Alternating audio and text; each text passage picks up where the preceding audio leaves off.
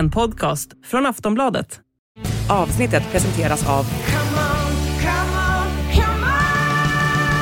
Stödlinjen.se, åldersgräns 18 år. In the supermarket you have eggs class 1, class 2, class 3. And some are more expensive than others and some give you better omelets. That's the wrong information. Wrong, wrong, wrong information. I didn't say that. That's the wrong information. Do you think I'm an idiot? Wrong, wrong, wrong information. Varmt välkomna till Sillypodden!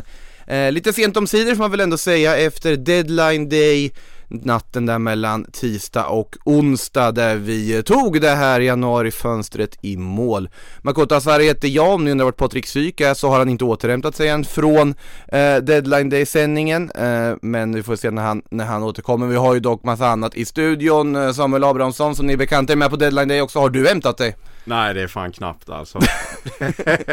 så det var lagom att spela in idag känner jag.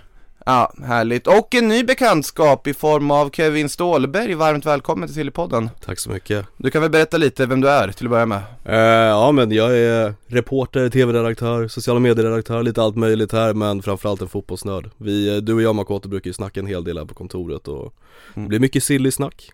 Så att eh, det är jag.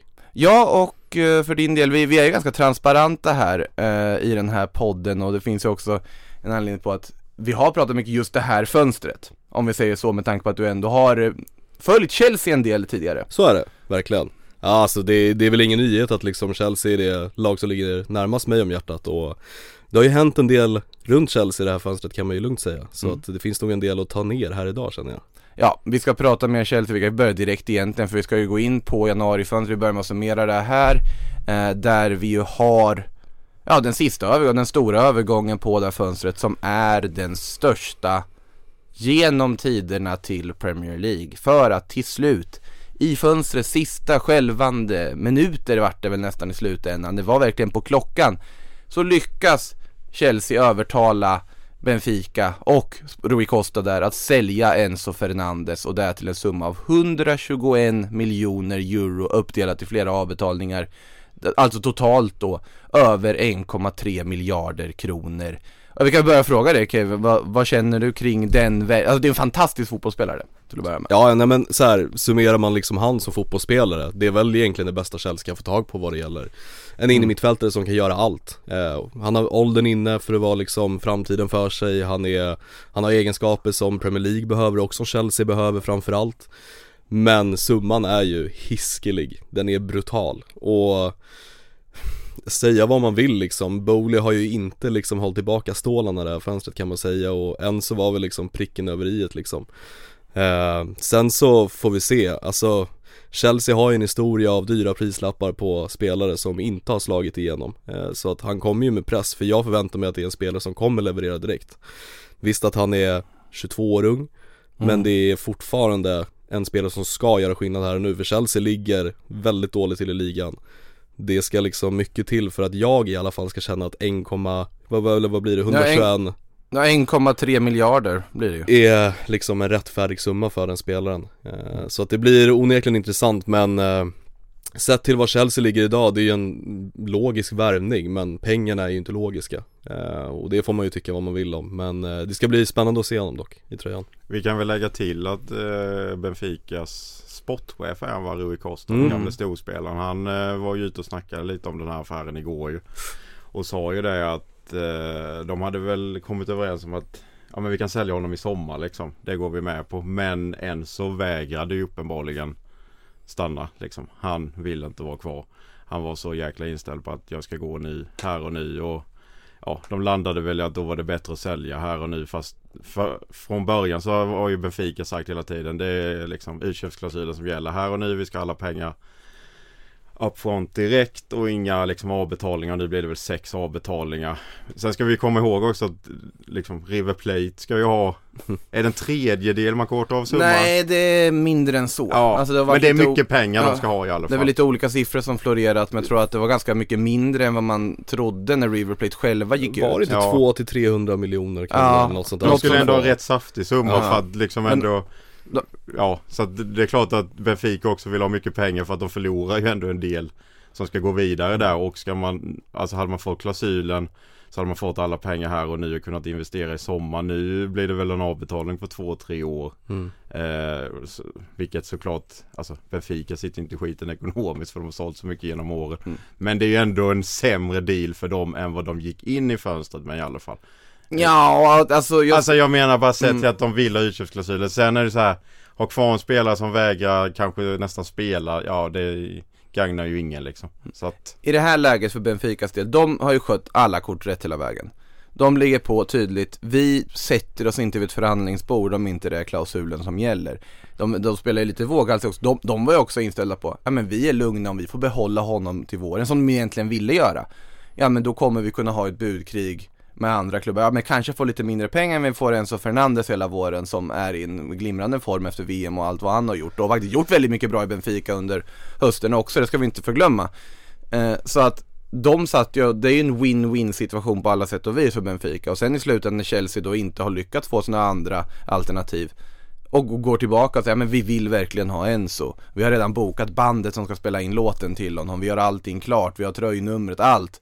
Vi måste lösa det här och Todd Bowley och det blir nästan liksom jobbigt på verkar det ha ju varit. Eh, så då, då fanns det, men okej, okay då, säger de i sista sekund, löser det, får väldigt mycket pengar som täcker upp mycket för dem och de kommer nog ha det ganska bra ändå. Eh, jag, så jag tycker att alla är vinnare. För Enzo Fernandes del kan man ju dock undra varför han var så benägen. Det är väl dock att, ja, smida medan järnet är varmt. Han vet att han drar en hype, där han vet hur mycket pengar de kan lägga på honom. Han kommer ha jättemycket press oavsett.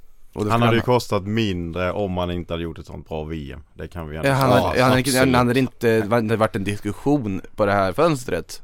Nej, men, han, och, det, och det är väl där jag lite landar i att Enzo Fernandes är en alltså, jättebra spelare med Mm. superpotential Men är en 1,3 eller vad blir det, 121 miljarder spelare vet jag inte Det är eller ju en- som du- 1,3 miljarder. Ja 1,3 men det är så här, han, han gjorde ett fantastiskt VM liksom Alltså absolut, och han har varit jättebra i Benfica och varit strålande i River Plate Mm. Men det är också en spelare som inte ens har spelat färdigt en säsong nästan i River Mm. Plate. Han har inte spelat klart i Benfica. Och ska nu landa i Premier League. Den tuffaste ligan kanske i världen. Och ska ta, ta sig an ett Chelsea som ligger väldigt långt ner i tabellen Som är i behov av poäng direkt. Mm. Det är en svår situation att komma in i också. Det är inte en mjukstart där man liksom bara ska fösa in honom lite lätt i klubben Mm. utan Han kommer ju spela till exempel från start idag tror jag. Och han kommer ju också ha mycket press på sig nu. Ja men det här, det här är ju på något sätt det finns många värvningar att reagera på i Chelsea, vi kommer in på det också och ska summera lite och titta på vinnarna i, och förlorarna i det här fönstret. Men att efter att ha spenderat så mycket, det som Chelsea behövde var ju en innermittfältare. Och de behöver någon, och den som på något sätt personifierar det man ser som ändå en plan hos Todd Bowley och det här projektet. Att signa spelare på långa kontrakt, unga spelare framförallt som ska bygga en ny stomme kring. Man ser tydligt vad stommen ska vara i det här laget. Och Enzo Fernandez är ju en nyckel i det. Sen huruvida det är befogat att lägga de pengarna, ja de vet också att eh, vi har ingen chans i en förhand, eh, liksom budkrig på sommaren för att vi kommer inte ha Champions League att erbjuda. Om de City, Real Madrid, Bayern München och så vidare skulle kliva in då, ja, då är de körda. Så att ur det här perspektivet så förstår Chelsea att om vi ska få den här spelaren som man tror kan vara en liksom generational talent, liksom en kugge på alla sätt och vis i ett decennium framöver i det nya Chelsea, ja då måste man betala ett överpris nu och så vidare och, och lösa den övergången. Men det är ju där jag också är lite skadad med tanke på att en generational talent var ju Havertz också. Vilket han fortfarande kan vara, jag har inte gett upp på Kai Havertz. Nej, inte jag heller, men det har ju också gått snart tre år utan att han har tagit vid speciellt mycket. Det har ju så, såklart, han har avgjort Champions League-finalen men Mm. han är också känd för att ha gjort viktiga mål kanske i avgörande lägen. Men det är ju inte en jämn spelare som har producerat poäng efter poäng Nej. efter poäng. Och det är väl lite där jag blir, det är så mycket liksom övergångar Chelsea har gjort Som har varit så dyra, som aldrig har slagit igenom. Det här är ju också så för mig, det luktar lite, lite, lite krisstämpel över den värvningen tycker jag. Ja det är panik, såklart, Ja, det, då, alltså- såklart det är kris och panik, det är ju helt uppenbart Men ur krisen och paniken kan något bra komma också. Såklart. Eh. Och bara ha i åtanke också hela den här hysterin nu Chelsea har haft i januarifönstret. Det är ju också till grund av att när Abramovic lämnade över allting till Todd Mm. Bowley så var ett av kraven att de ska investera över 10 miljarder i spelartruppen och i akademin och för damlaget. Och att de skulle göra någon typ av generationsväxling i Chelsea då och nu har ju Todd Bowley valt att göra det under ett fönster kan man i princip säga där han har värvat in så många unga spelare för så mycket pengar eh, Och Potter snackade om det här igår på sin presskonferens också att så här kommer det ju inte se ut varje fönster. Det här var ett väldigt speciellt fönster där många unga kom in samtidigt. Mm. Och troligen kommer det handla om nu i sommar, hur, vilka är det som lämnar framförallt? Eh, Jag tror inte att det kommer komma in supermycket, men vad jag läst mig till dock, så är det fortfarande på något sätt att han vill ha in en världsstjärna. Han vill ha in någon som är liksom på toppen av toppen till Chelsea. Och Neymar. Ja, det hoppas jag inte, men, och vem vet jag vem det är, men vi får se. Jag tror att mycket kommer handla nu framtiden för Chelsea, det är att fösa ut spelare. Mm. För nu har vi Ja fått, det gick ju inte så bra heller på deadline day får vi väl ändå säga. snyggt. Ja, ja men Kan vi glida över till det snyggt? Med eh, Hakim, vår vän, som satt fast på PSGs Ja det kan, kontor. kan ju vara bra att börja skicka papper i tid eller, Ja, eller skicka herregud. rätt papper Tre gånger Tre var det gånger. fel papper, man var för mycket fokus på Enzo-affärer kändes det som. Och eh, ja, han lär väl inte vara jättenöjd även om Potter såklart säger ja men han är fokuserad och bla bla bla. ja, och det måste ju tränaren säga. är ju Det är sånt, ja, det är sånt ytligt snack bara. Det måste han ju säga. Jag tror han är jävligt förbannad rent ut sagt för att han eh, var ju till och med beredd att betala själv och så här bara för att det skulle lösas ekonomiskt. Han ville ju bara bort. Och han är ju liksom också en sån där spelare som kom till Chelsea med rätt stora förväntningar. Kostade inte jättemycket. Men har inte heller varit speciellt bra. Eh, Men jag, jag tycker ju mest synd om Hakim för att det är en fantastisk spelare i sina bästa stunder. Och jag har ju också varit inne och tjatat om det som Makoto har gjort många gånger här. att han borde ju gått till Serie A. Det är där han skulle ha landat egentligen och det borde ha löst för länge sedan. Han skulle ha landat i Milan Ja, framförallt. mm. Han har varit perfekt där. I PSG hade han ju bara blivit en överflödesspelare. Jag vet Mm. att de vill ha in en ytter men det är ändå så här.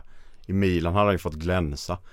Och det är ju ändå De behöver ju offensiv kraft, Alltså, jag tycker ändå högerkanten men den ska vi inte gå in på, vi kommer till det sen Eh, Men nej, ja, det- det var ju det också för dem, det var ju så att Hakim Ziyech var klar för PSG Eh, Alla trodde det var klart, sen direkt efter tolvslaget i princip kom det, nej Chelsea skickar fel papper Tre gånger. Tre gånger till och med. Att det, och då börjar man tänka, var det där medvetet? Men det var det nog inte heller, utan det var nog faktiskt så att det var någon stackare Att man satt där i ett läge, alla står och liksom dansar cumbia med varandra och försöker lösa Enzo Fernandes och står och tittar så. på, tittar på hans läkarundersökning Sen i ett hörn då på något så här dammigt skrivbord där, sitter någon stackare bara Ja, ursäkta, jag måste ha det här för Ziyech-övergången och alla bara Men fortsätter hörde, att hörde ni. Chelseas ursäkt också? Datastrul.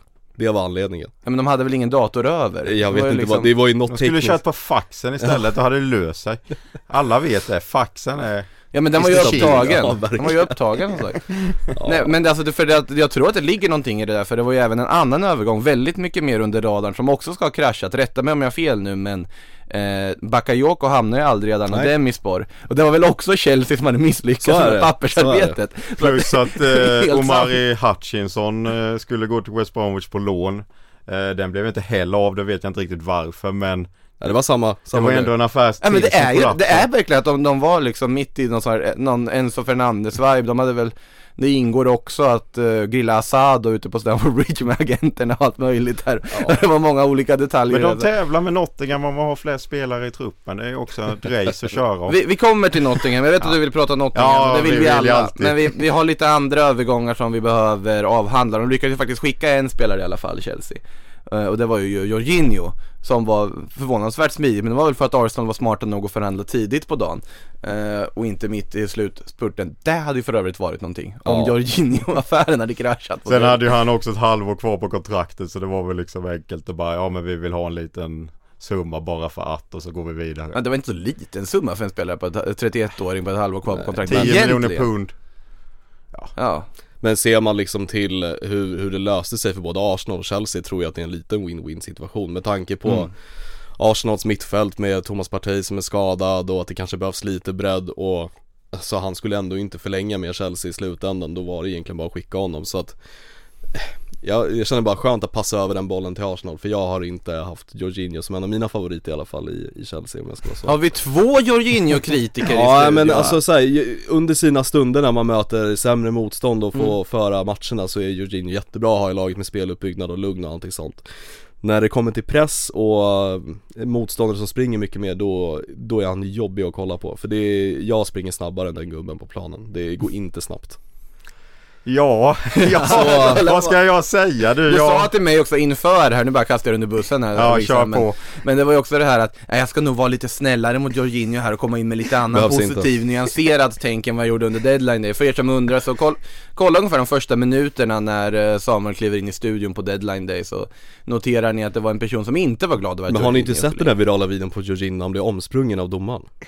Den är ju helt Jo, otrolig. den har jag sett. Den är ju helt otrolig, alltså det är en maxlöpning tillbaka liksom till Domare kan vara väldigt Jo vältränade. jo men alltså det är inte som att den här domaren tar häststeg. Alltså vi snackar om att han löper mot liksom Chelsea straffområde. Ja, det, var Jorginho- inte, det var inte Moss som sprang runt. Nej nej nej nej, nej, nej, nej verkligen exakt, nej och Jorginho är ju två steg efter hela jävla löpningen. Nej men jag har väl, jag har väl landat i någonstans att, alltså det var väl mer kanske också en besvikelse för att jag var väldigt sugen som många Arsenal-supportrar var på Moises Caicedo.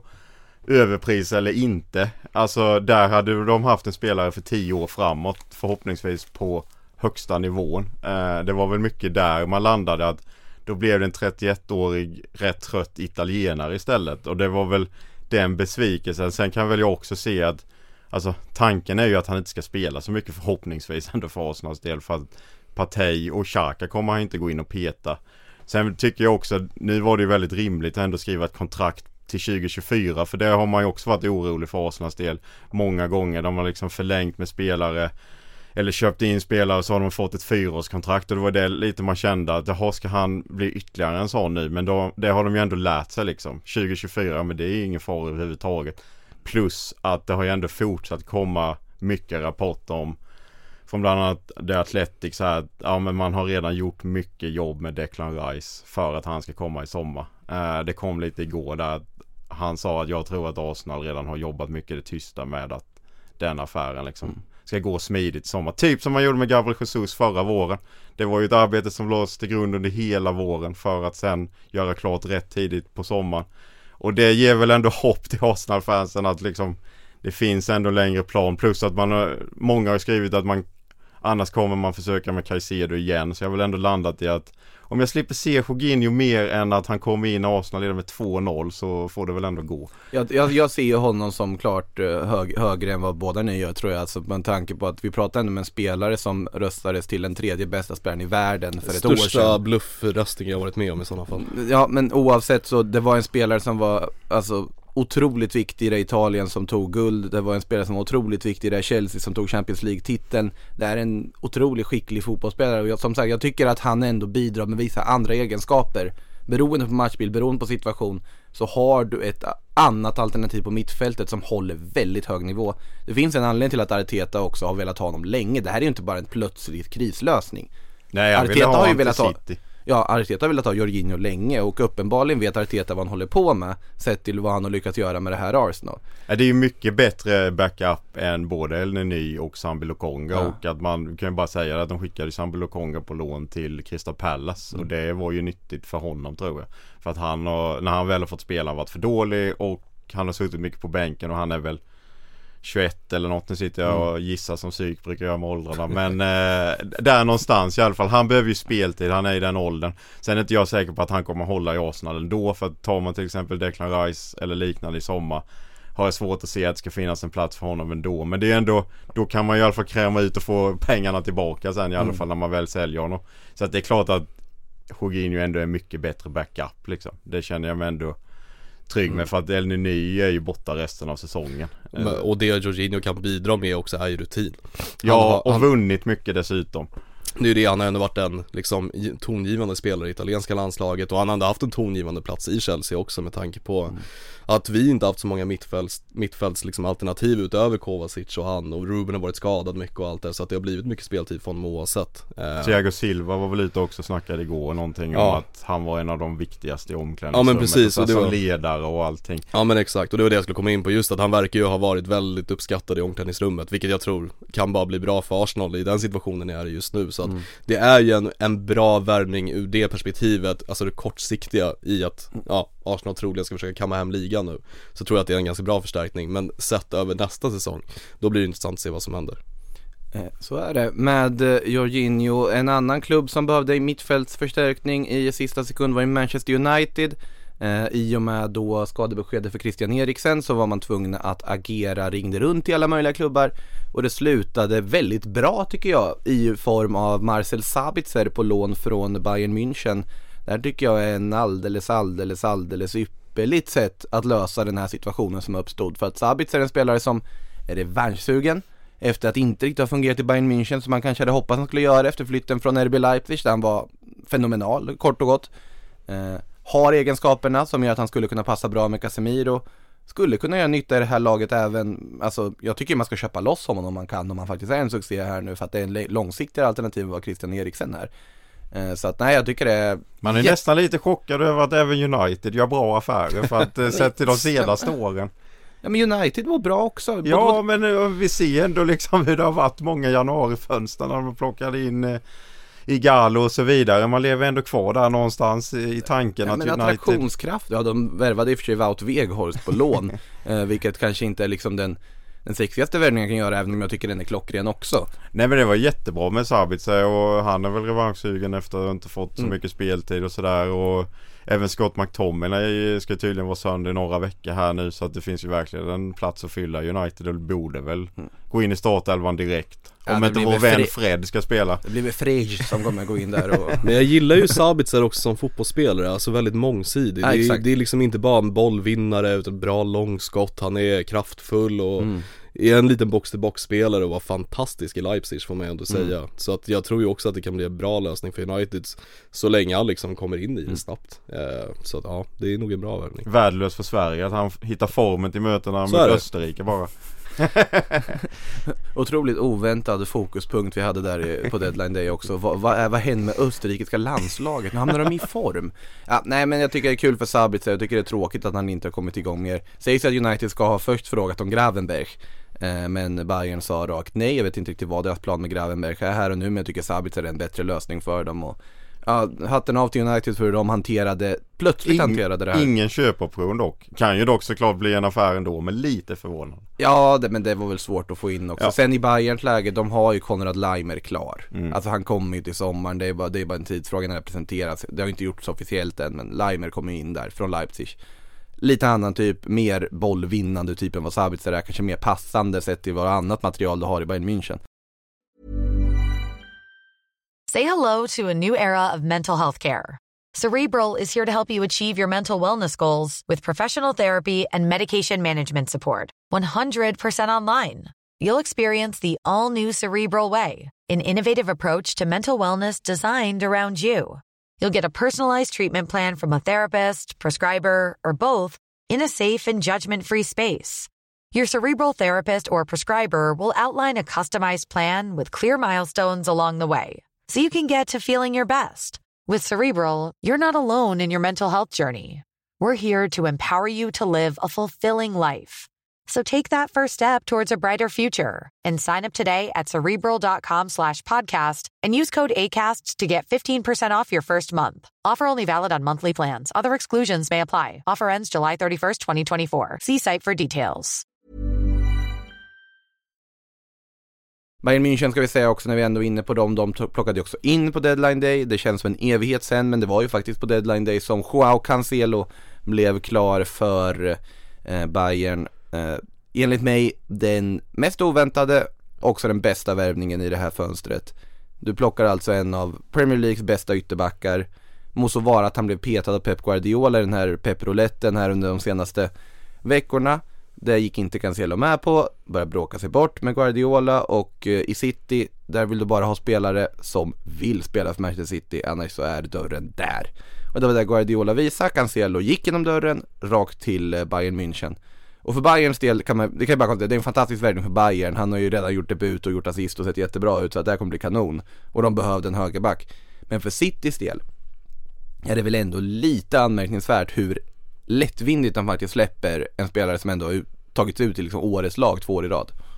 Verkligen och också med tanke på att vad är det för egentligen för vänsterbackar som City sitter på just nu? För Cancelo har ju spelat en Mm. hel del till vänster som någon inverterad liksom ytterback och nu har han ju Pep då framförallt spelat Nathan Ake och Laporte ganska Mm. långt ut så att det blir någon sorts trebackslinje i någon Mm. sjukt offensiv liksom laguppställning Nu sitter man ju han med han spanjoren från Anderlecht som de värvade Sergio Gomes. Precis, och det är ju den vänsterbacken de har Förutom då mittbackarna som vikarierar där ute på vänsterkanten Det känns väldigt konstigt att släppa Cancelo i, speciellt så här i slutet av fönstret och så här Jag vet ju inte vad som hänt i omklädningsrummet, det kanske har skurit sig helt men Det är förvånansvärt att man släpper honom till Bayern München så, precis som du säger, så lätt liksom Alltså du, just det, Bayern München är verkligen direkt konkurrent i. För att det enda City bryr sig om är Champions League-titeln. Att då Ja. förstärka Bayern München i det här läget.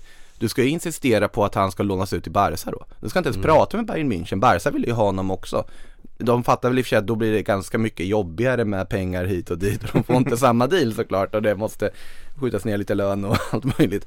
Men, eh, nej men alltså det är faktiskt underligt att man väljer att förstärka en direkt konkurrent för just nu ser Bayern München ut som en av favoriterna till den här CL-titeln sett till de har gjort sitt fönster. Vi ska in på eh, vinnarna i, och förlorarna i fönstret som sagt. Bayern München är en av vinnarna vill jag hårt hävda. Men eh, lite andra deadline day deals som man borde slänga upp först. Eh, Keylor Navas har fått en ny klubb, gått till Nottingham Forest.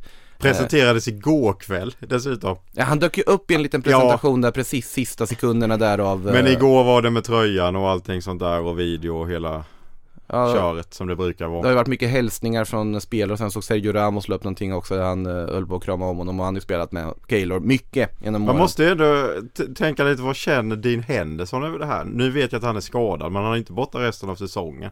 Och när han är tillbaka så lär inte han få spela. Alltså jag kommer ju tappa det om Keylor Navas blir bänkad i Nottingham Forest. Ja Då- men det är det jag menar, det blir ju Henderson och Henderson gick ju ändå, jag kollade ändå upp det, han har ändå spelat 18 matcher, det är ju nästan alla matcher den här säsongen.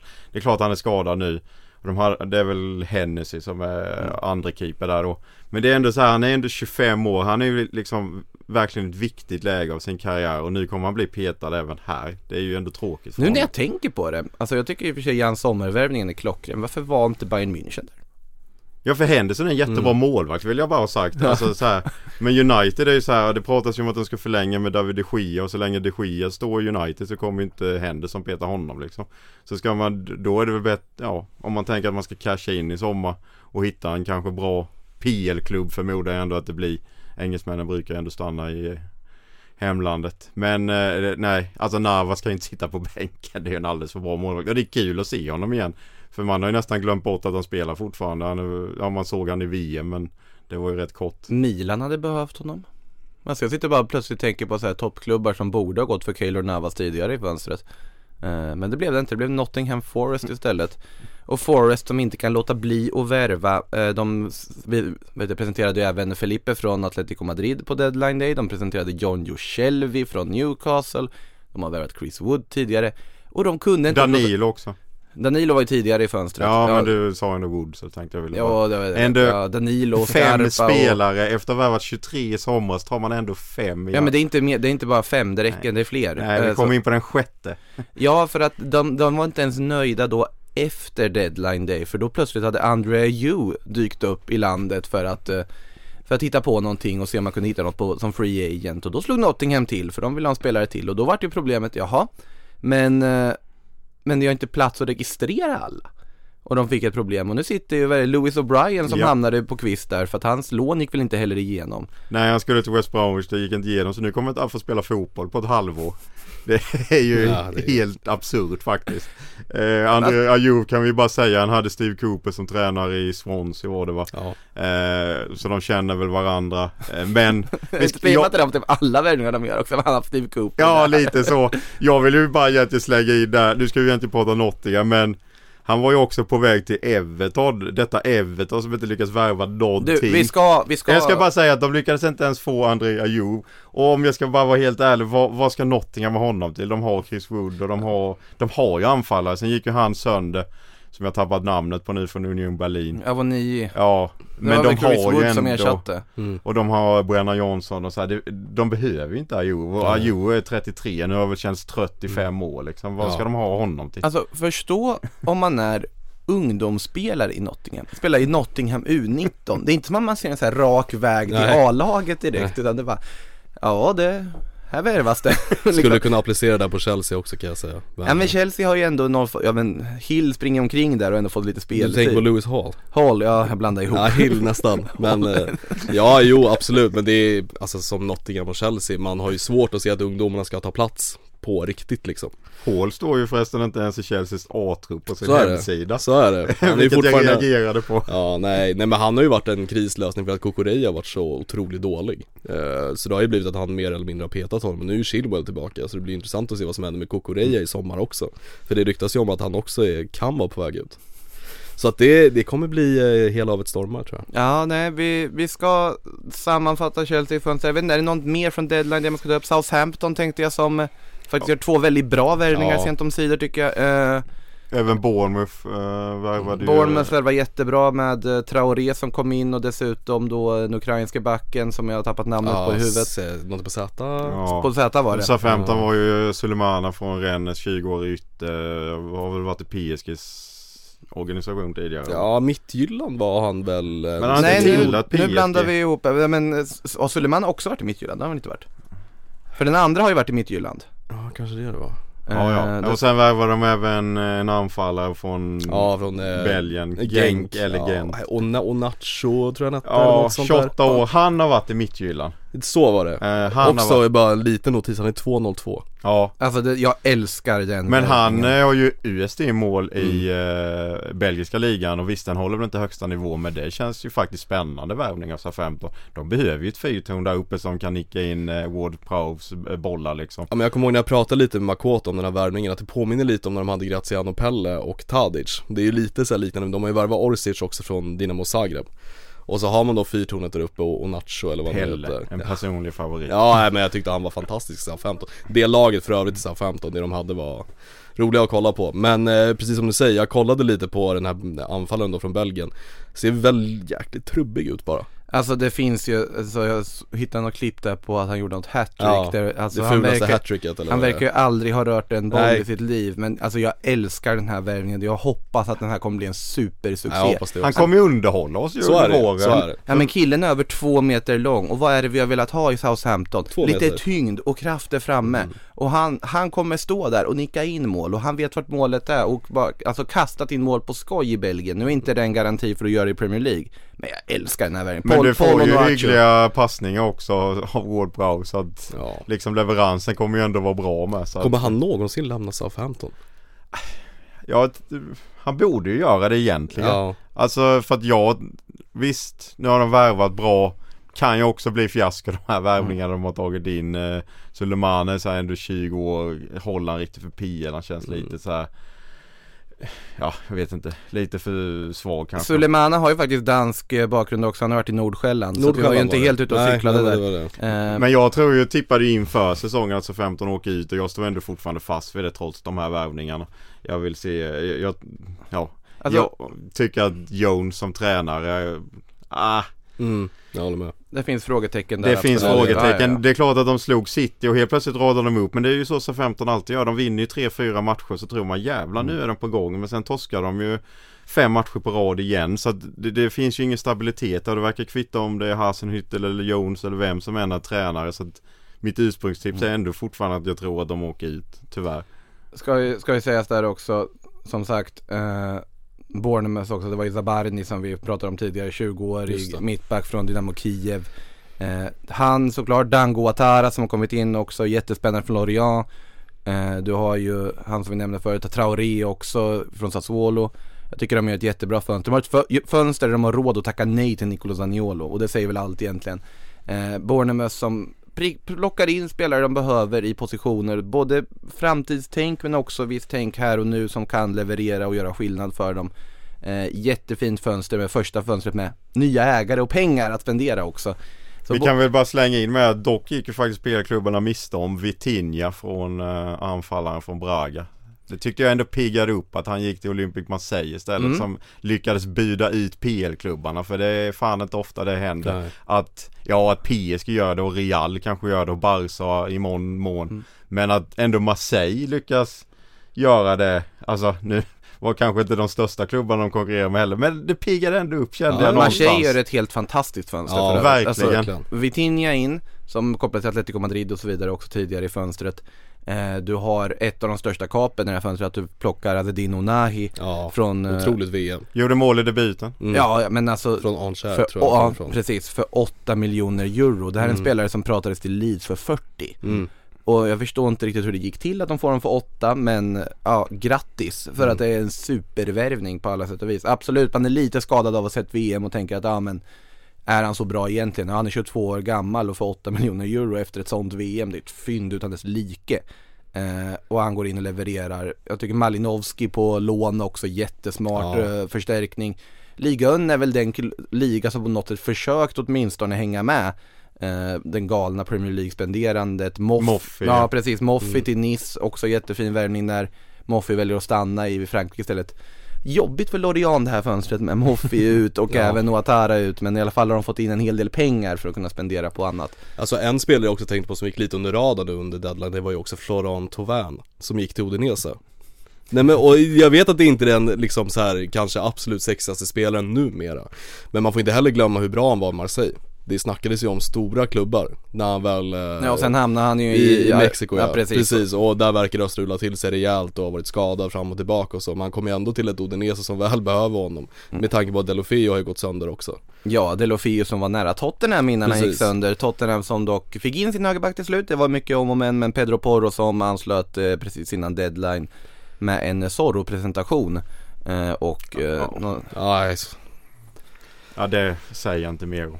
nej, vi låter det vara så. Men Pedro Porro i alla fall in och det föranledde också oss av att eh, Matt Doherty hittade till Spanien och det var ju också Ja det är nästan en av de största bomberna på hela deadline Ja. day tycker jag. Framförallt också att man väljer, eller väljer, man tvingades ju riva kontraktet. hovar Matt Doherty till Atletico Madrid. Ja alltså den såg jag inte komma Nej. någonstans i världen alltså. Är- Och är- jag tror han kommer, eh, kommer göra jobbet liksom Men han i Atletico. inte Molina. Nej det lär han väl inte göra men ja, men jag tycker ändå en bra värvning liksom. Jag tycker Mm. Doherty är ändå han har ju ändå varit den som har varit bäst av de högerbackarna de har haft nu innan då Porro kom in. Men han har ju ändå konkurrerat ut Emerson Royal och det är inte så svårt visserligen. Men eh, ändå så här att man bara väljer att bryta kontraktet. Eh, det är ändå förvånat rätt många. Är Atleti en vinnare det här fönstret? Oj. Den, den är ändå svår, alltså, på Ja. att, alltså Depay får de in för, jag tycker ett uh, fyndpris egentligen, Mm. men det är också kontraktsläget och allt och att de När de och Barcelona förhandlar så sker konstiga Ja, saker vad var det Ca- Carrasco och Det är en intressant kemisk reaktion som sker när Atletico Madrid och Barcelonas ledning sätter sig för att förhandla spelare Men Depay in, de eh, ja, får Skeppar behålla Felix. Carrasco, skeppar, de hyr ut Felix eh, Får man väl nästan, det är ju mer att hyra ut än Ja, att låna ut i det här läget säga, säga. Eh, de eh, lånade ut Matteus Cunha men också med en ganska saftig köpoption men båda de där har inte funkat. Nej. Eh, Depay tror jag är en jättebra värvning överlag. De ser bättre ut spelmässigt överlag tycker jag också efter Mm. Eh, här i januari nu. Eh, Men Simeone tycker väl det är skönt att sluta tvingas att spela Felix som han uppenbarligen inte fick att, igång. sjukt att han också anser att det är att tvinga spela Felix med tanke på Ja. att han är enda som gjorde någonting. jag vet men så har ju typ Jorge Simeone sett det för att han har ju inte fått ordning på honom överhuvudtaget tyvärr. Det har inte funkat där. Så han tycker säkert det är skönt att slippa honom. Det är väl en mittback de väl i slutändan inte fick in. Eh, Om jag inte minns fel nu. Jag tror aldrig att det blev någon mittback. Nej. Nej de vill ju ha Sun Juns Ja men det vart ingenting där och då. Ja, så att, eh, nej men Atleti med ett, ja, okej fönster får man väl ändå säga. Ja, nej, men med tanke på situationen. Absolut. Ja men precis, med tanke på, Alltså, mer kan de väl inte göra med ganska begränsade pengar också. ganska, de har Ja, ingenting. nej, men det är det jag menar, då har de väl gjort det bästa Ja. de kan tror jag. Och på tal om att inte ha så mycket pengar så Barcelona var ju igång och det var mycket snack hit och dit på deadline day också. Jag trodde det skulle bli ett lugnt fönster för Barcelona, det blev det inte. Eh, I alla fall ingen lugn deadline day, men också när tidigt Gerard Romero, ja precis, Gerard Romero säger liksom att eh, Nej det, det blir inga värvningar här nu, ni kan nog gå och lägga er. Ja då fattar man att det händer nog inte så mycket mer. Det var inte things are happening, det var ingenting händer. Eh, 20 sekunder det var det som fattades för att värva. Ja, nu pratar vi ju då alltså den spelare som de faktiskt skulle kunna få in. De, hela deadline det handlade ju mest om att de höll på att kohandla med La Liga för hur mycket plats de skulle få att värva för. Eh, jätteunderligt, jag vet inte exakt hur det där gick till. Men Sofian Amrabat ville i alla fall dit, han blev jättesur när Fiorentina inte ville släppa honom Men det var inte ens nära att Fiorentina skulle släppa honom för den lån och köpoption som Barcelona kunde erbjuda. Inte en obligation utan en option om vi känner för det efter säsongen. Det gick inte Fiorentina med på. Uh, vet inte var det här Sofian Amrabat uh, jakten kom ifrån riktigt för jag tycker inte det är rätt spel. Chelsea var där och högg också Ja men det är mer, makes mer sense. Ja jo nej, men absolut men det verkar ju varit en eftertraktad spelare nu mot slutet. Absolut, jag är förvånad att han sitter kvar För jag Mm. trodde verkligen att han skulle gå någonstans med tanke på det VMet han gjorde. Uh, så men ingen Amrabat i Barcelona, Barcelona som ändå, det var lite surr om Bernardo Silva ett period men det är det ju varje deadline day så det vart ju ingenting av det den här gången heller Eh, och i slutändan var det Julian Araujo från LA Galaxy som de var ute efter för att ersätta Hector Bellerin som de hade skickat till Sporting Club. Det räckte inte med en Araujo, det behövdes en till. Men det vart väl inte en till och det roliga Nej. med det här är att vi vet fortfarande inte om det blir någon Julian Araujo i Barcelona eller inte. Nej det där för att knyta an med 20 sekunder var de papperna inne för sent och de har överklagat och det är fortfarande som du säger oklart om Ja. de kommer få dispens och få igenom det eller inte. Stackars eh, Julian, eh, mexikanen, tränar för sig själv i LA Galaxy och väntar på att se om han ska flytta till Barcelona eller inte. Då har han i sån fall registreras för Barcelona B, eh, givetvis. Eh, Gavi har fått eh, tröj nummer 6 också, Så. Xavis gamla nummer. Ehm, och det var väl Liga lite sura på att Barcelona hade genomfört och registrerat. Eh, sa- saker som vanligt på kontoret på Camp Nou. Det känns ju mer som Barca styr La Liga någonting annat Man fattar ju inte hur den här klubben sköter liksom sina affärer Alltså det, det ska ju för sig läggas till att Barcelona hade nog kunnat göra mer om det inte var La Liga som hade sina regler. Eh, och det kanske, är, det kanske är regler som skyddar dem att göra dumma saker, vem vet, det kan man se det som också. Men visst har La Ligas hårda löneregler påverkat att La Liga-klubbarna inte kunnat hänga med i, i leken för att alla klubbar sitter i lägen när de har problem att registrera spelare och problem att spendera på grund av de här reglerna. Det är Real Madrid som ligger ganska bra till men de vill ju inte spendera själva av någon anledning.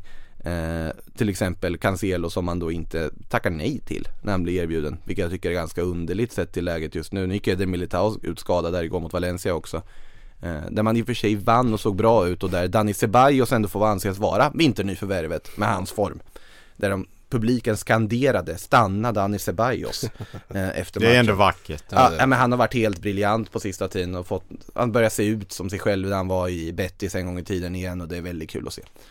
Eh, med det sagt har det blivit dags. Eh, är det något mer från deadline day som jag missat här? Vi sitter ju lite bara löst. Tror jag summerat det mesta bra va? Ingen jag kommer på Jag ska kolla om vi har några lyssnarfrågor rörande deadline day också. Eh, så får vi se om det kan vara något där. Det är väl snarare det som inte har hänt jag vill prata om. mm. Ja, det som inte Everton. har hänt. Ja, Ja. det är för fan det är man sugen på Det, vi, det finns en annan sak som inte har hänt innan vi går in på vinnare och förlorare i fönstret och det är ju faktiskt att Isco aldrig hamnade i Union Berlin. Fick en Också en sorg faktiskt. Ja, vi fick en fråga om det från eh, Jesper Andersson här, era tankar om Iscos icke-affär med Union Berlin. Ja, att det var tråkigt. Att det är väldigt tråkigt för att jag vill alltid se Isco spela fotboll. Sen om det är Union Berlin eller Real Madrid eller Malaga, det har inte så stor betydelse.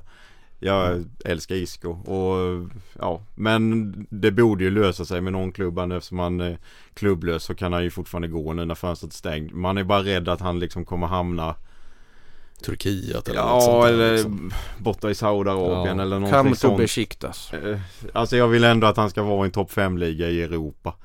Sen laget har inte så stor betydelse men han ska spela ändå i en topp 5-liga. Han är fortfarande tillräckligt bra för att göra det. Kliv in nu Schalke. Lös något. Everton. Ja, det trodde jag skulle hända med Everton. Det ryktas om det lite Ja jag faktiskt. läste också det Ja, det, kan, jag- det förvånar mig inte För överhuvudtaget. Sa- Sean Dyche har nämligen sagt att nu kollar vi på fri transfermarknaden. Ja men, åh nej, just det, Isco under Sean Dyche. Uff. Ja, Det, blir rysare. intressant, det blir Va- Vart intressant spelar Isco under Dyche? Vilken position lägger man Isco på? Man vet ju att det är ett 4-4-2 så det blir på vänsterkanten där Fast han vill ju inte köra inverterade yttre så det kanske blir högerkanten ändå Ja men, ja men han måste ju ta defensivt ansvar som ytter. Ja ja men det får man väl vara Han lika beredd väl bli mittback, man vet inte. Nej så är det, eller så får man köra lilla gnugget under Dice bara Ja, nej det kanske Man inte är och bra. sucka här Ja, det, det är inte bra för någon part kanske att Isco hamnar i Everton. Men eh, det verkar, ni är väldigt taggade att prata Everton märker jag. Så Så ska vi, ska vi ta Men nej, nej det gör vi inte. Vi ska faktiskt ta vinnarna i det här fönstret förut. För jag vill avgöra, är Chelsea vinnare i den här transfermarknaden eller inte? Det är ju Chelsea som spenderat i särklass mest av alla klubbar. De har spenderat över 3 miljarder kronor på nyförvärv i det här vinterfönstret. Det är och vi pratade om Enzo Fernandes som är den stora kronjuvelen i det hela, sista, sista grädden på moset för att använda ett uh, slitet uttryck. Jag, jag Men- vill bara slänga in där med då, Kevin får gärna svara på det om de är vinnare, men hur också känner man som Chelsea-supporter när det är total galenskap liksom? Tycker man det är kul, som jag sett en del, eller fasas man bara liksom Ja, Alltså jag, jag är ju mer mot det spåret att jag tycker det här är jobbigt. Eh, många, vad jag känner till i, vad ska man säga, Chelsea Twitter-trakten är ju mer att det här är jättekul och det här är jättebra för framtiden och jada jada. Jag ser det här alltså mer problematiskt för att det är så mycket spelare som ska in och spelas ihop. Det är spelare som inte kommer få speltid, det är en väldigt stor trupp det kommer bli, alltså hela Ziyech-situationen är ju också ett stort frågetecken att det kan finnas missnöje men sen också, jag, jag tänkte ju när väl Bowley tog över klubben att det var en annan vision som skulle komma in som kanske tänkte mer på akademin och liksom utveckla den för Chelseas akademi är ju en av de absolut bästa i världen. Och hela det här eh, förtroendet som Lampard gav James till exempel och Mason Mount och så det hade ju kanske aldrig skett om det inte fanns en transferban. Och då tänkte jag att, ja men om man nu ser hur bra akademin är, varför inte fortsätta förädla alla de här talangerna? Låta dem få chansen på något sätt. Nu känns det ju mer begränsat i och med att man har värvat en stomme med spelare som är under 25 år, vilket kommer begränsa akademispelare vare sig man vill eller inte, för det kommer finnas få platser att konkurrera om.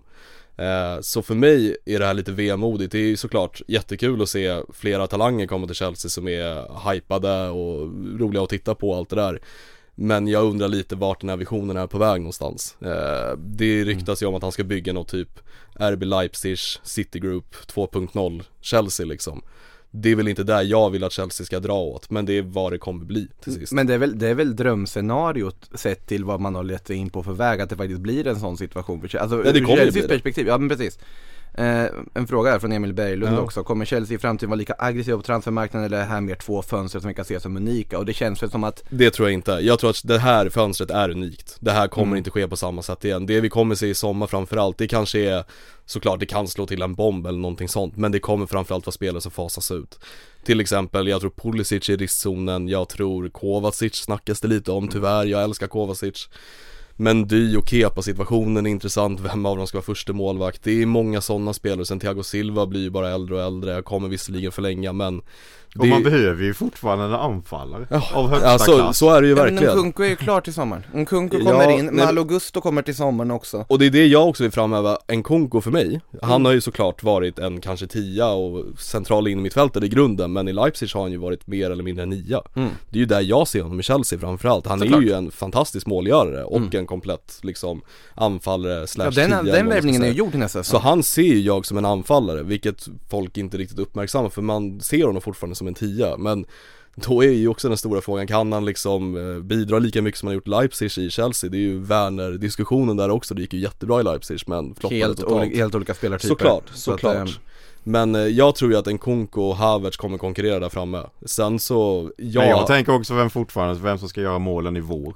Ja, nej det är den stora frågan, det vet jag inte. Joao Felix, Jag hoppas ju på Mudryk, Havertz, Aubameyang. Jag vill ju inte förlita mig på yttrar, det är lite det som är problemet, Fel, mm. Felix Aubameyang är dunderslut, han kommer Ja, knappt jag, göra jag, det. jag var helt seriös när jag sa Ja, ja men så här, får jag lägga mina pengar på någon så är det Felix i sådana fall Ja. Alltså Mm. det inhoppet jag såg honom göra mot Fulham i 57 minuter, han var Alltså utan snack överlägsen på planen Och var otroligt bra, sen så tar han ju det här idiotiska röda kortet liksom Sånt kan ju hända Men eh, han var otroligt bra och jag hoppas ju att Chelsea löser honom i sommar Det är verkligen en spelare jag vill se honom, man Mm. bygga runt Det hade ju också varit Havertz. bra för han är ju redan inkörd i allting Precis. då, ett, ett halvår liksom Så det hade väl varit väldigt smidigt att lösa honom på Ja, så och jag sätt. har inget problem att fasa ut Havertz för Felix Jag tror att Felix har en högre höjd än vad Havertz har Eh, min tanke på frågan här då om det är två vändor, jag tror att det kan bli tre. Jag tror att vi kan se saker i sommar men sen så har du ju så pass många kontrakt i 20, 30, 31 så att då har du ju din stomme.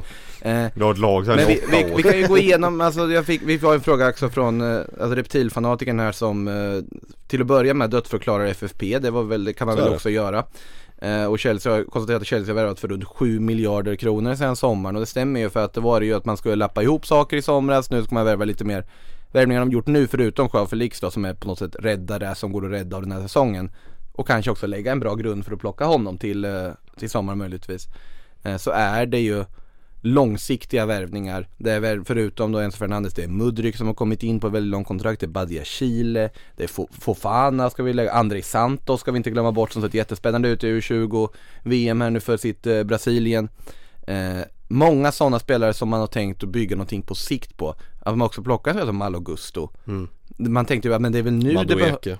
Ja Madueke som eh, ska vi inte glömma bort heller mitt i alltihopa Det är väldigt mycket spelare man plockat in med väldigt lång Alltså med, med långsiktig tanke Och det är ju farligt också med de här långa kontrakten Jag förstår varför man gör dem på grund av FFP Ja. Men det är ju också på något sätt att man vill bygga en ny generation Alltså och det har liksom varit Mm.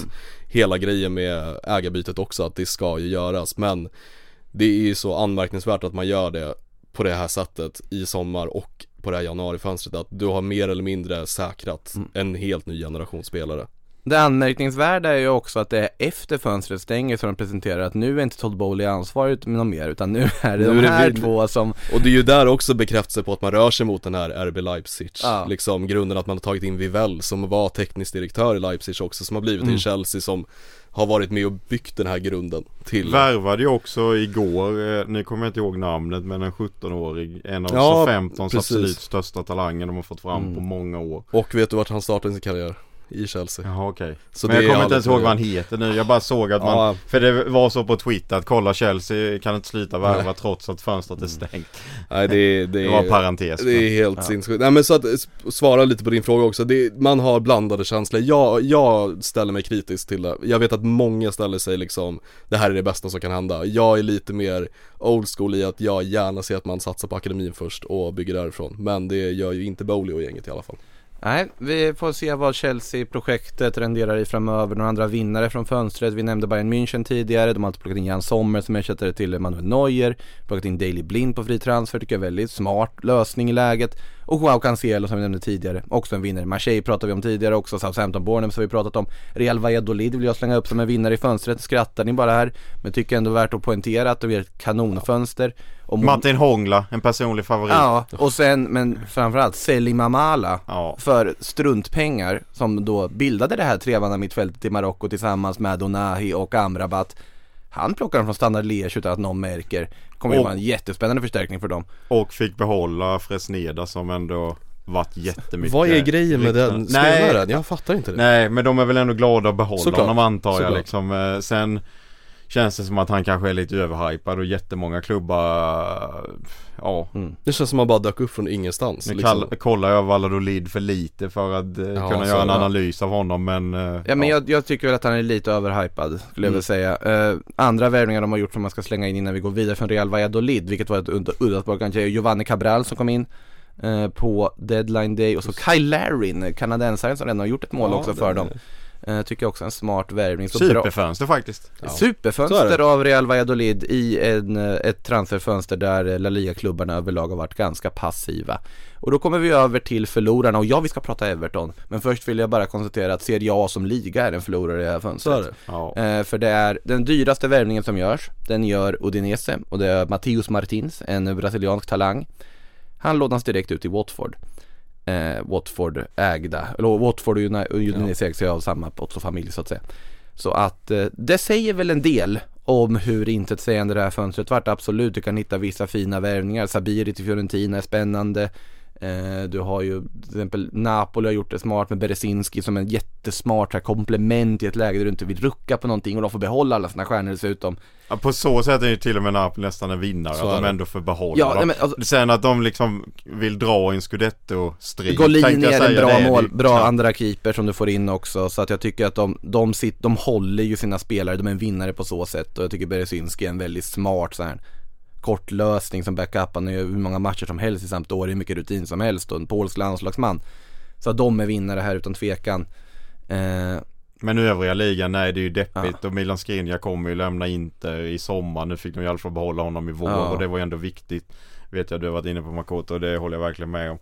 Eh, med Milan, ja Villa och Saniolo, det gick inte. Saniolo, Ja, det det- kanske hela... är den stora förloraren på alla sätt och vis. Ja, hela vinterfönstrets största förlorare någonstans om man, vi får väl se nu om man hamna i Turkiet eller vad det är nu. Han har ju dessutom varit ute och snackat tror jag dock. Nej men jag kommer ge allt i Roma och så vidare. Ja, Ja, det, och de kommer väl, men, Jag finns tillgänglig för Mourinho har han väl sagt ja vi får väl se hur tillgänglig Mourinho tycker att han Ja, är. Vi får, men, Rick Karstorp ska ha tagit till nåder i alla fall av Jaha, Mourinho jaha. och var, var med i, i vad heter det, planerna igen. Det är ju fint i alla fall. ja. Men ja, och sen så här Juventus, ja de torskade 15 poäng och eh, kan torska fler är väl liksom snacket Jag såg där. någonting idag om att 20 poäng kan de förlora idag Ja du har precis, så att de har ju liksom inte bara förlorat så här spelare eller inte gjort värvningar, de har förlorat poäng under det här fönstret. ja det är ju nästan det tyngsta man kan göra. Så att, Stora förlorarna Juventus Ja Juventus har ju varit ganska stora förlorare i det här fönstret givetvis och det är för att de inte kanske har skött sig i andra fönster när de har värderat diverse spelare.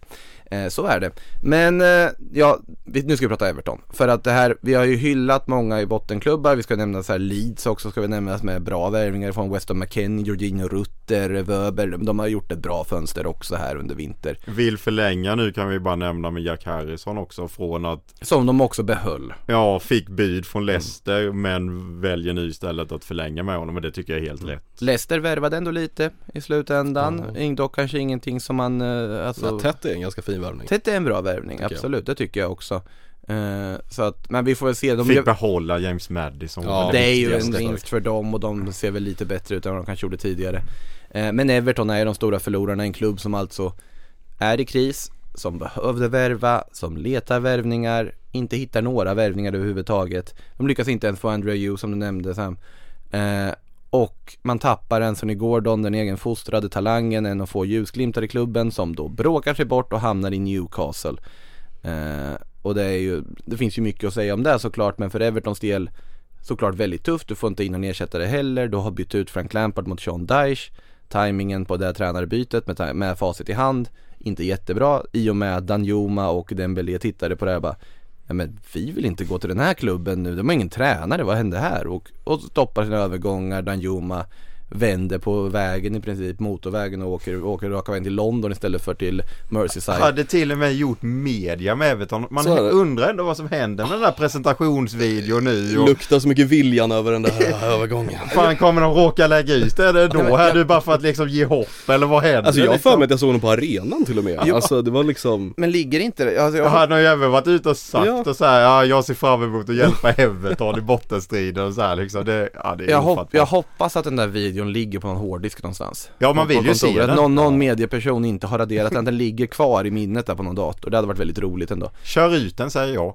Ja, Ja. kör Men ja, eh, som sagt, jag vet inte vad man ska säga om Everton egentligen för det... Nej det är ju, det är ju tragiskt faktiskt. Eh, alltså dels som du nämnde allt med Danjuma och det här. Och sen liksom på deadline day, jag vet inte hur många spelare som jag såg i flödet som ryktades dit. Men det var liksom Det var ju en eh, uh, Michi Batshuayi hade ju ändå, det är en klassiker på deadline day. Han har ju varit, gjort en del flyttar där. Men han kände att nej men eh, jag trivs så bra i Turkiet nu att jag, eh, och liksom projektet här. Så jag känner att jag vill inte ens gå till Everton liksom. Där, där nere är Everton att man lockar inte ens den typen av spelare. Det här känns för ostabilt för mig, säger Micke Ja, det, det, då vet man liksom. Alltså jag tycker väl ändå att Sean Dyche är en bra anställning. För att, alltså Frank Lampard har jag aldrig trott på. Eh, han, och han borde fått sparken tidigare. Det var väl snarare det nästa. Jag tänker så här. Everton behöver bara en tränare som kanske kan ge lite lugn och ro och stabilitet här nu och det kommer ju ändå Dyche göra. Sen med det sagt är jag ändå jävligt orolig att de åker ut för jag vill inte att Everton ska åka ut. Det är en, liksom en klubb eh, som har varit i Premier League längst av alla. Det, de, arenan är snart klar och så här. Det är liksom Goodison Park en personlig favoritarena och allt det. Alltså Everton är ju en klubb som är så fruktansvärt misskötta nu och alltså de borde ju, ja det är även det här ryktet om att de ska sälja klubben eller inte. Det är så mycket som är fel där just nu och tyvärr om man har sett Alltså jag, även om Dai känns rätt så är frågan, kommer han liksom få liv i det här laget? För jag ser inget liv i truppen. Okej, de blixtrade till, fick 1-1 borta mot City, hur fan det gick till egentligen. Det, det är liksom, det var ju snarare att City hade en av sina sämre dagar på länge liksom. Det finns ju ingen riktig gnista tycker inte jag i truppen heller.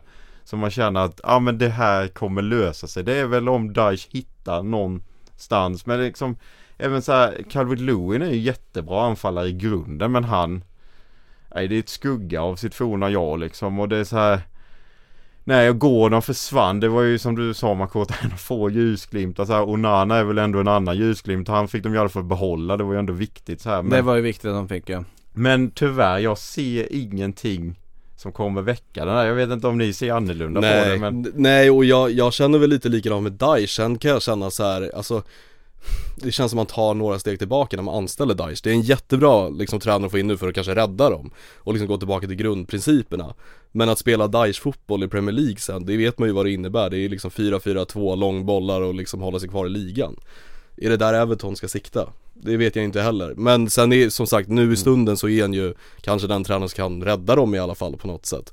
Men det är som du säger, jag tycker de är jättefina spelare egentligen i truppen, bara att de liksom, det är, de är ju iskalla. Jag Typ tycker- som Onana Jag tycker i och för sig truppen egentligen i grunden är tunn och jag tycker att Ja den är eh, tunn men det finns spelare som skulle kunna fungera i Premier League Absolut, absolut. Det glimtar bara men, just men just nu så ser jag, ser jag dem som att de har en av de tre sämsta trupperna i ligan Ja, Ja efter januari håller jag med om Ja, det. ja, precis. För Alltså, att ni titta, har ju ja. Bournemouth och SA-15 och de, De har här rustat jättebra Mm. det, gjort bra värvningar och där, det var ju också spelare Everton var och nosade på Sulemana men där valde att gå till SA-15 till exempel istället. Jag ser så där- mycket fram emot att se Polo Noacho fortfarande, alltså det är Det- Southampton, det ska bli så kul Det är så mycket som har misslyckats liksom Ja. och att Sean Dice då sitter och säger nu ska vi kolla på fri transfermarknaden. Ja, det är- det är ju skrämmande. Ja, jag hade mått så dåligt som support till det Ja, alltså för att jag gick igenom den listan på transfermarkt igår. Det är inte många namn där jag känner att oj, det här skulle vara bra. Vilka Isco vilka- är väl till exempel högst upp. Vem- Men Isco ska inte spela i Everton. Vilka mer fanns det på den listan? Ja, det var Andrea Ju var ju en sån spelare och Jesse Ja, Ja, Jesse till exempel, som ryktas till Djurgården liksom. Det, Bojan Kirkic ryktas också till Allsvenskan nu. Ja. Det är väl också, en- han har varit i Stoke så han kan ju PL. Men liksom det är typ den typen av spelare. Stoke så han kan PL Ja men jag menar det, det är väl enda Everton i så fall skulle gå efter honom. Nej, men jag menar att det är de spelarna Mm. Everton i så fall har tittat på. Ingen av dem gör ju dem bättre. Alltså Isco skulle i grunden göra dem bättre men inte under Sean Dice ledarskap. För då hade man behövt få in en tränare som vet hur Isco spelar fotboll och det vet inte Sean Dice. Så att nej tyvärr, alltså här och nu känns det verkligen som att Everton kommer åka ut. Det är om han som sagt hittar den här gnistan och kan liksom tända, ni vet när Goodison Park är liksom Ja. som värst att komma till som motståndare. Då är det ett rent helvete med publiken där. Att du känner, du är nästan rädd som motståndare. Men med tanke på stämningen som har varit, varit där runt omkring och ledningen vågar inte ens gå på matcher och så vidare så tyvärr hittar jag inte den heller här och nu. Eller så vinner de mot Arsenal imorgon och bygger vidare på det första. Alltså det, det, det gäller ju att få det där resultatet nu direkt med att inte bli överkörda med 0-4 imorgon hemma mot För då kommer ju ingen tro på Daesh heller när Visst, nu kanske man inte ska ta poäng mot Arsenal egentligen men att få den här starten direkt det är ju jätteviktigt. Det Sen är det en halv säsong kvar så vi kanske sitter och målar fan på väggen helt i onödan här nu. Ja. Men det finns ju ingenting som tyder på att det kommer bli jättemycket bättre.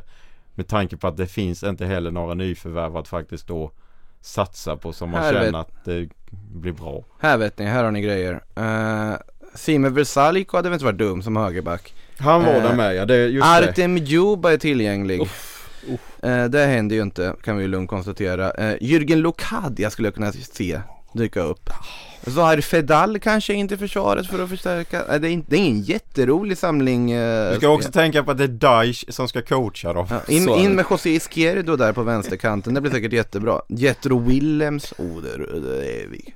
Ja, Simon Sandberg är ganska högt upp på den här listan också, men jag har väldigt svårt att se han, honom. Norrbaggen? Nej, Hammarby. Ja, se, ja, ja, mm, sorry Fast har inte han hittat en ny klubb redan? Ja, ja. Eh, Nej, men- Simone Sassa. Ja, där snackar vi. Nej men alltså alla tre kan väl konstatera, det känns inte positivt kring Nej. Everton tyvärr alltså. Nej. Eh, och, och vi kan, vi ska, vi ska faktiskt, eh, vi börjar få lite ont om tid där, men måste ju också nämna en annan del av Liverpool. Eh, I form av Liverpool. Mm. För att, eh, ja absolut man värvar Cody Gakpo men de känns ändå som på något sätt förlorar det här fönstret på att man får faktiskt inte in den här mittfältaren det pratades om. Nu kanske man kör på med Noy Bajsetic ändå klivit upp i A-truppen och får väl anses nästan vara ett nyförvärv på sättet han har tagit plats. Men överlag, man siktar på sommaren där, det blir på något sätt en mellansäsong detta. Men likväl känns ju de som de är något av förlorare i den här, det här fönstret. Sett till att de faktiskt inte har åtgärdat de problemen som de uppenbarligen har. Det kan vi lugnt konstatera. Eh, och fick vi in lite Liverpool i den här podden också till slut. Så är ja det. det är väl fullt rimligt och nej det är knappt godkänt fönster skulle jag väl säga Mm. om Liverpool. Ja, Gakpo kommer, alltså han har väl kanske inte sett jättebra ut i början men han kommer bli bra tror jag. Mm. Jag känner mig inte jätteorolig där. Men den här, alltså de hade ju behövt en mittfältare redan nu och så Mm. ta ytterligare en i sommar men nu blev det ju inte så. Nej, PSG också förlorar får man säga på att tappa Sarabia och inte få in backupen som de skulle. Nu brukar PSG vara vinnare i De fönster hade ju. Ziyech på eh, flygplatsen men det blev inget mer efter det Ja, en, en Ziyech på flygplatsen istället för eh, på, Och Mbappé är skadad nu dessutom. Ja, och missar Bayern München matchen så de åker väl ur i åttondel igen, PSG, så är det.